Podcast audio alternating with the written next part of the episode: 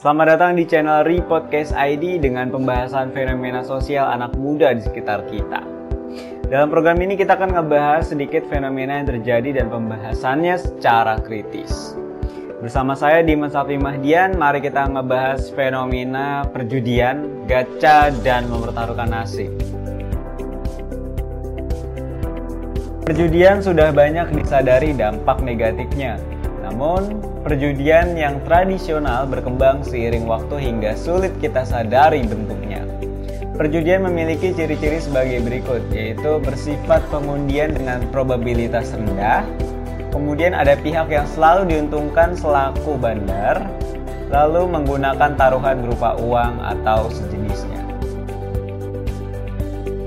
Saat ini banyak game online yang menawarkan sistem karakter dengan model gacha atau didapatkan secara undian. Gacha sendiri termasuk dalam perjudian ringan karena kita mengundi apa yang kita miliki untuk mendapatkan karakter yang kita inginkan. Mungkin kita tidak merasa rugi karena kita hanya mengumpulkan poin dengan menamatkan misi. Dengan poin tersebut, kita bisa menggacha karakter. Bisa saja teman-teman tidak merasa rugi karena menggunakan poin dari misi dan tidak menggunakan uang nyata. Padahal untuk mengumpulkan poin tersebut, kita sudah cukup menghabiskan waktu. Dan waktu bernilai dengan uang. Ingat, peribahasa, waktu adalah uang. Sehingga sebenarnya poin tersebut secara tidak langsung bernilai uang.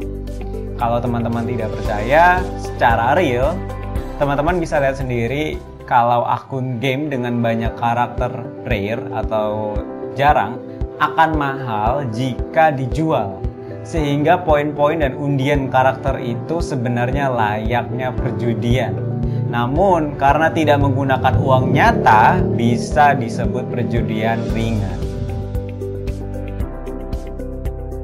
Lalu saat ini juga banyak dari teman-teman yang tergiur masuk ke dunia saham atau cryptocurrency. Banyak teman-teman yang masuk ke dunia itu namun tidak memahami ilmu investasi.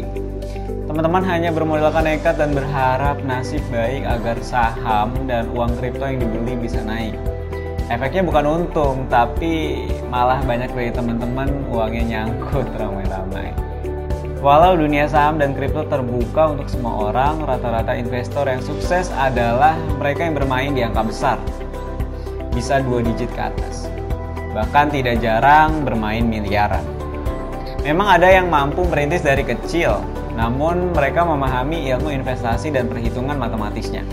Sehingga mereka bisa membaca permainan para pemain besar dan mengantisipasinya. Sangat disayangkan jika teman-teman di masa muda menghabiskan waktu untuk bermain game demi mengumpulkan poin agar bisa gacha. Bahkan juga sangat disayangkan jika teman-teman yang masih muda menggunakan uang yang teman-teman miliki untuk bermain saham dan kripto. Padahal waktu dan uang tersebut sangat berharga untuk teman-teman gunakan mengembangkan skill, Ikutilah pelatihan-pelatihan, komunitas-komunitas, organisasi-organisasi yang menunjang karir teman-teman. Investasi saham dan kripto banyak dilakukan oleh para pengusaha yang sudah memiliki usaha real. Bahkan banyak dari mereka bermain saham untuk dapat menguasai perusahaan tertentu. Sehingga berbijaklah dalam mengambil keputusan uh, jangan suka mempertaruhkan nasib dan berinvestasilah dalam menggunakan waktu dan uang yang kita miliki.